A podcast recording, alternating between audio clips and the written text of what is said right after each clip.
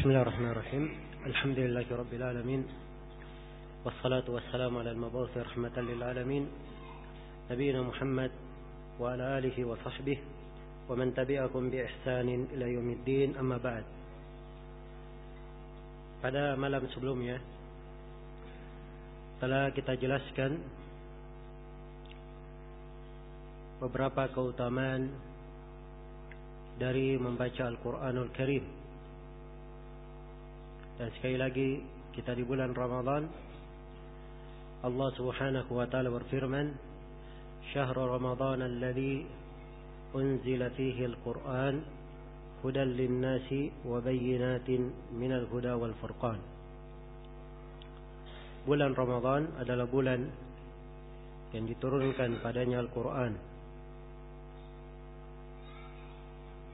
Sebagai petunjuk bagi manusia dan sebagai bayinat penjelas-penjelas yang mengandung petunjuk dan pembeda.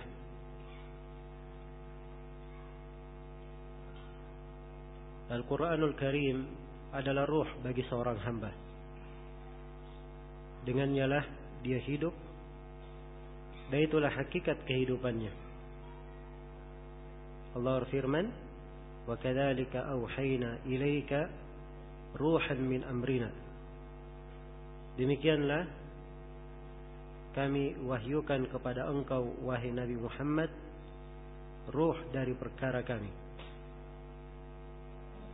Disebut ruh di dalam ayat sebagaimana keberadaan kita hidup karena ada ruh di dalam jasad. Maka tanpa Al-Quran ini hakikatnya tidak ada kehidupan bagi seorang hamba. Dan ruh inilah yang membedakan antara kehidupan seorang muslim dan seorang kafir. Awaman kana maitan fa ahyaynahu wa ja'alna lahu nuran yamshi bihi fi an-nasi kaman mathaluhu fi adh-dhulumati laysa bi kharijin minha.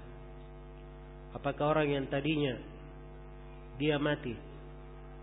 Kemudian kami hidupkan dia. Lalu kami berikan untuknya cahaya, dia berjalan dengannya. Nah, seorang mukmin diberi kehidupan oleh Allah.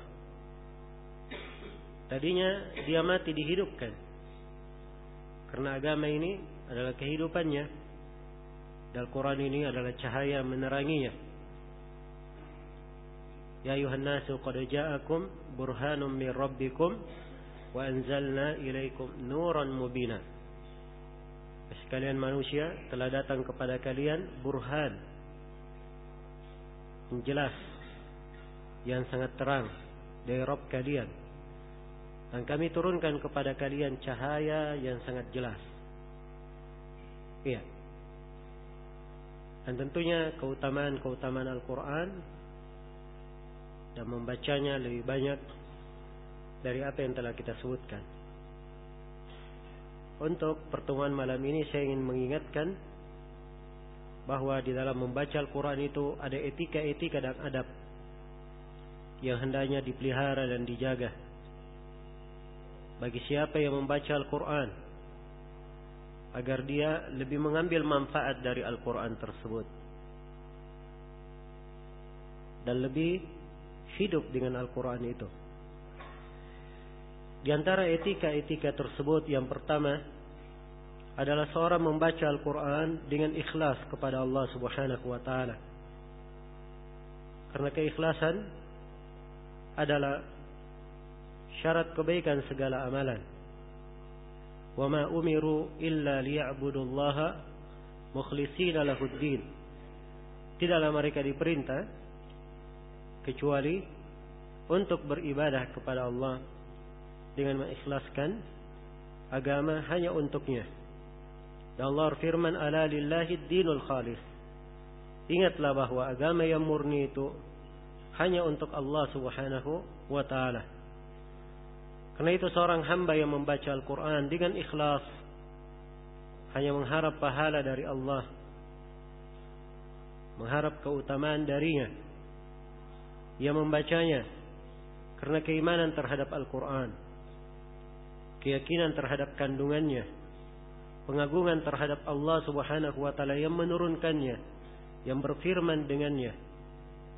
Dan dia membaca Al-Qur'anul Karim sebagai pengagungan terhadap Al-Qur'an. Maka ini adalah dari bentuk keikhlasan yang sangat membantu seorang hamba di dalam mengambil manfaat dari bacaan Al-Qur'annya. Yang kedua dari etika dan adab di dalam membaca Al-Quran adalah seorang membaca istiadah, bertawud sebelum mulai membaca. Sebagaimana firman Allah Subhanahu wa taala, "Fa idza qara'ta al-Qur'an fasta'id billahi minasy syaithanir rajim." Apabila engkau membaca Al-Qur'an, maka berlindunglah engkau dari syaitan ar-rajim yang terkutuk. Itulah yang biasa kita baca. A'udzu billahi minasyaitonir rajim.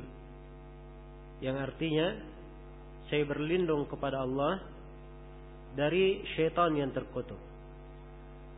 Karena syaitan sangat menghalangi seorang hamba dari membaca Al-Qur'an memalingkannya dari Al-Quran. Karena syaitan sangat mengetahui manfaat dan kandungan Al-Quran tersebut. Besarnya kemanfaatan Al-Quran bagi seorang manusia. Karena itu dia sangat berusaha untuk memalingkan hamba dari segala bentuk zikir. Dan zikir yang paling agung adalah membaca Al-Quran. Menurut kesepakatan para ulama. Iya. Allah berfirman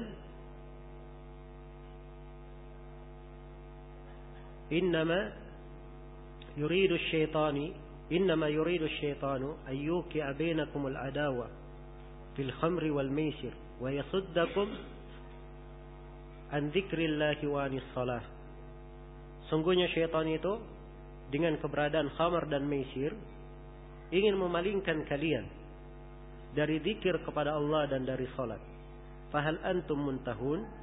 Tidakkah kalian berhenti? Maka diperhatikan bagaimana syaitan ingin memalingkan dengan membisikkan atau mengindahkan khamar dan perjudian kepada seorang supaya dipalingkan dari mengingat kepada Allah dan dipalingkan dari salat. Dan dua hal yang terpenting dari Dikir dan salat ini adalah membaca Al-Quran. Bahkan dikir itu yang teragungnya adalah membaca Al-Quran. Karena itu Al-Quranul Karim disebut di dalam banyak ayat dengan nama dikir. Allah firman kepada nabinya fastamsik billadhi uhiya ilaik innaka ala siratim mustaqim wa innahu ladikrul laka wa liqaumika wa sawfa tus'alun. Berpeganglah engkau wahai Nabi Muhammad terhadap kitab yang diturunkan kepadamu. Sesungguhnya engkau pasti berada di atas jalan yang lurus. Sesungguhnya itu adalah dikir bagi kamu. Alkitab disebut dikir.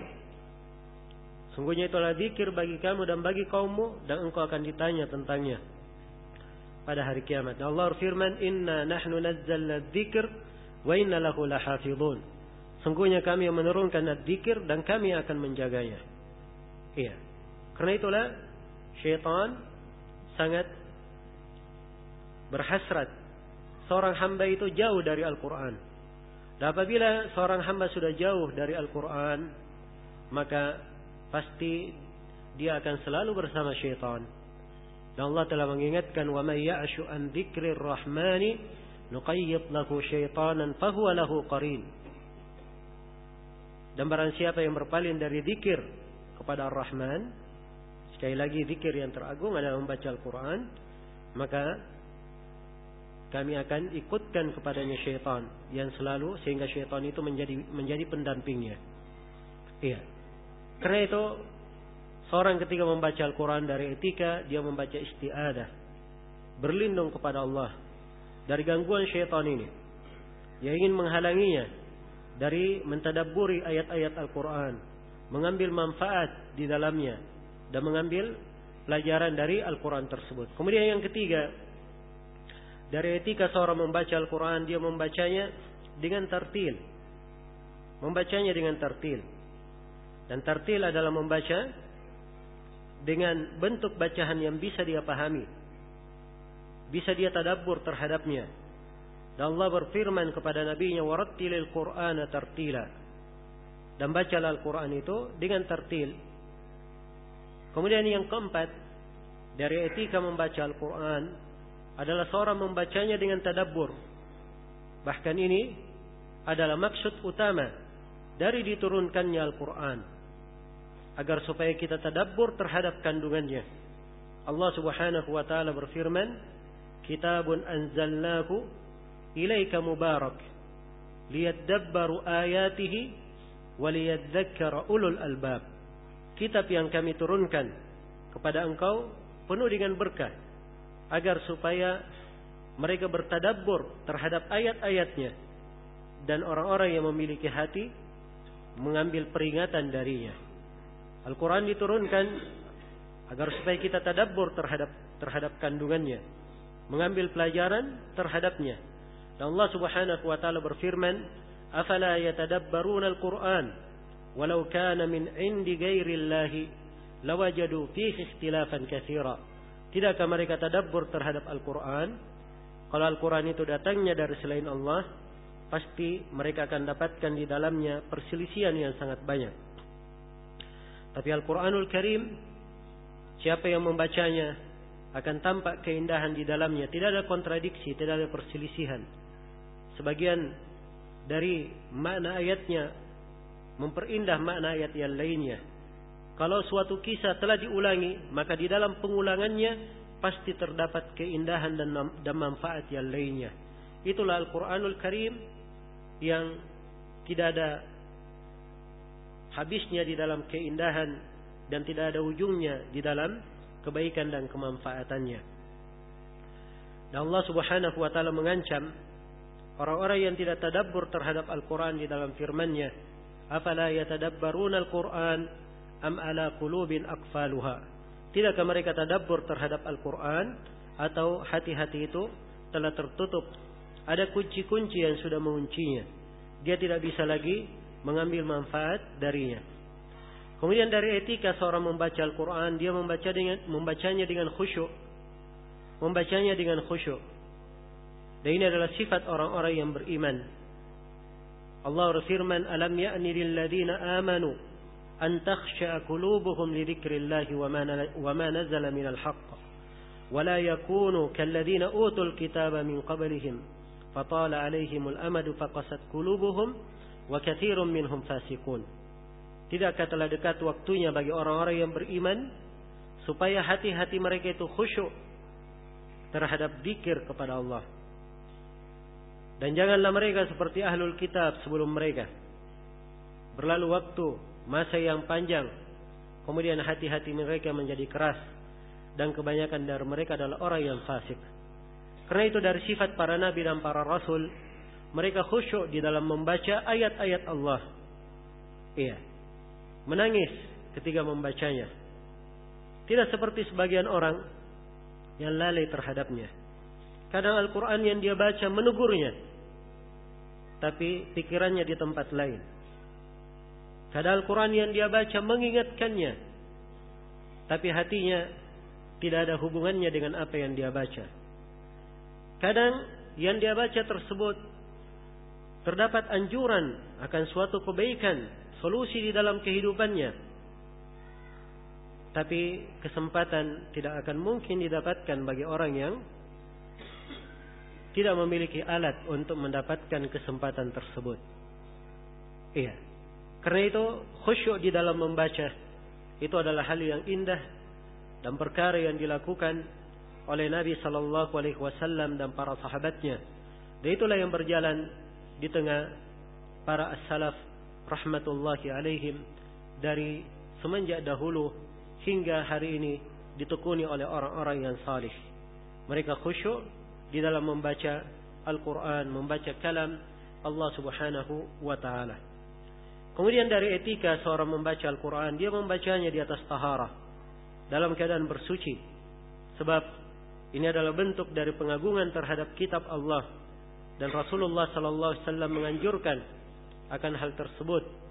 Wa inni la adkurullaha illa ala tahara dan sesungguhnya aku tidak berzikir kepada Allah kecuali dalam keadaan suci. Dan pengagungan terhadap Al-Quran ini ketika membaca dengan banyak bentuk. Di antaranya dengan bertahara itu tadi. Dan di antaranya dengan memahami bahwa Al-Quran ini adalah kalamullah. Adalah firman Allah subhanahu wa ta'ala. Allah yang berbicara dengannya. Iya. Kalau seorang hamba menghadirkan di dalam dirinya ketika dia membaca Al-Quran. Seakan-akan Allah yang menegurnya. Berbicara kepadanya maka ini tentunya akan memberikan di dalam jiwanya pengagungan terhadap Al-Quran dan rasa khusyuk yang sangat besar di dalam membacanya. Rasa khusyuk yang sangat besar di dalam membacanya. Namun kesadaran untuk hal ini akan keagungan Al-Quran ini sedikit di hati-hati manusia. Semoga Allah subhanahu wa ta'ala memberikan ampunan dan maafnya kepada kita semua dan memberikan hidayah kepada kita semua untuk mengagungkan dan memuliakan Al-Quran sehingga kita tergolong ke dalam orang-orang yang dipuji oleh Allah di dalam firman-Nya. Dalika wa may yu'azzim sya'airallah fa innaha min taqwal qulub.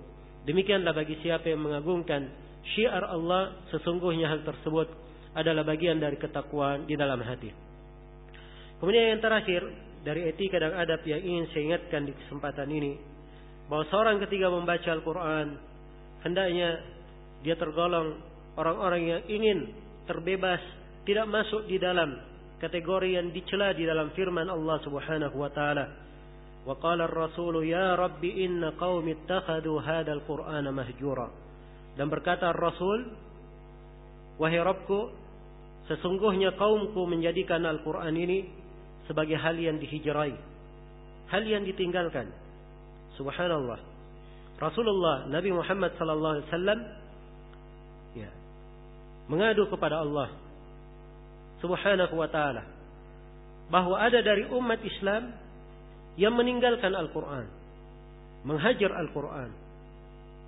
Dan ini tentunya adalah kelompok yang sangat merugi. Iya. Meninggalkan keutamaan-keutamaan yang sangat jelas dari Al-Qur'an Bukannya mengambil keutamaan tersebut, malah dia meninggalkannya. Siapakah mereka ini yang meninggalkan Al-Quran menghajarnya? Para ulama menyebutkan di dalamnya ada lima golongan. Golongan yang pertama adalah orang yang tidak mendengarkan Al-Quran, tidak mengambil kandungan dari maknanya, tidak memperhatikan ketika dibacakan Al-Quran itu kepadanya. Di golongan yang pertama. Golongan yang kedua yang meninggalkan Al-Quran adalah orang yang tidak beramal dengannya. Dia tidak beramal dengan Al-Quran tersebut. Kemudian golongan yang ketiga yang meninggalkan Al-Quran adalah orang yang tidak tadabbur terhadap kandungannya. Tidak tadabbur terhadap kandungannya. Kemudian golongan yang keempat dari orang yang meninggalkan Al-Quran adalah orang yang tidak berhukum terhadap Al-Quran itu. Tidak menjadikannya sebagai hakim di dalam kehidupannya. Dan yang kelima adalah orang yang meninggalkan Al-Quran, orang yang tidak menjadikan Al-Quran sebagai obat, sebagai penyembuh. Iya. Dan ini sangat banyak kita saksikan. Kalau ada orang yang sakit, yang paling pertama dia pikir adalah ke dokter. Mencari obat. Tidak diragukan bahwa obat-obat tersebut memiliki manfaat dan kita diperintah untuk berobat dari sebab seorang itu sembuh. Allah eh, Rasulullah sallallahu alaihi wasallam bersabda, "Tadawau ibadallah, berobatlah wahai hamba-hamba Allah." Tapi yang menjadi masalah banyak dari manusia yang lupa bahwa Al-Qur'an itu adalah obat yang pertama.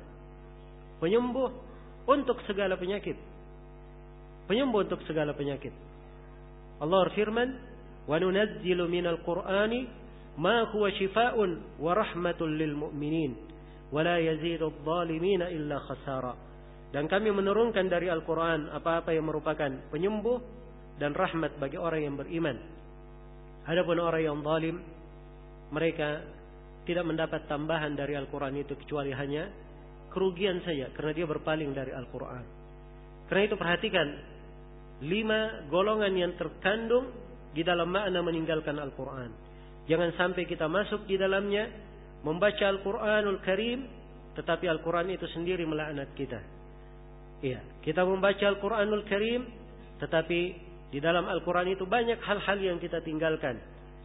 Maka perhatikanlah etika dan adab-adab tersebut. Semoga Allah Subhanahu wa taala memberikan taufik dan inayahnya kepada kita semua menuju kepada jalan yang lurus. Dan semoga Allah Subhanahu wa taala menjadikan Al-Qur'anul Karim sebagai kesejukan di dalam hati kita, penerang di dalam jiwa kita, sebagai hal yang selalu menghilangkan kesedihan, kegelisahan dan gundah gulana kita.